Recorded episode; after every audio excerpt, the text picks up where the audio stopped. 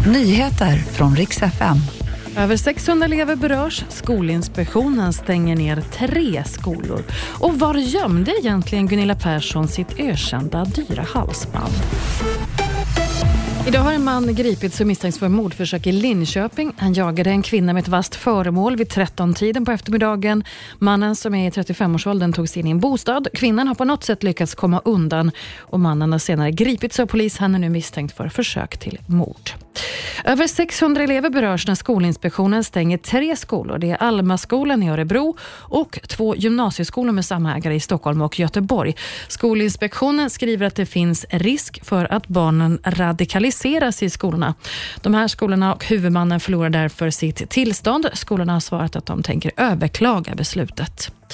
Vart gömde egentligen Gunilla Persson det ökända halsbandet? Ryktet gick ju att hon hade ett halsband med sig till Sverige som var värt 250 000 kronor.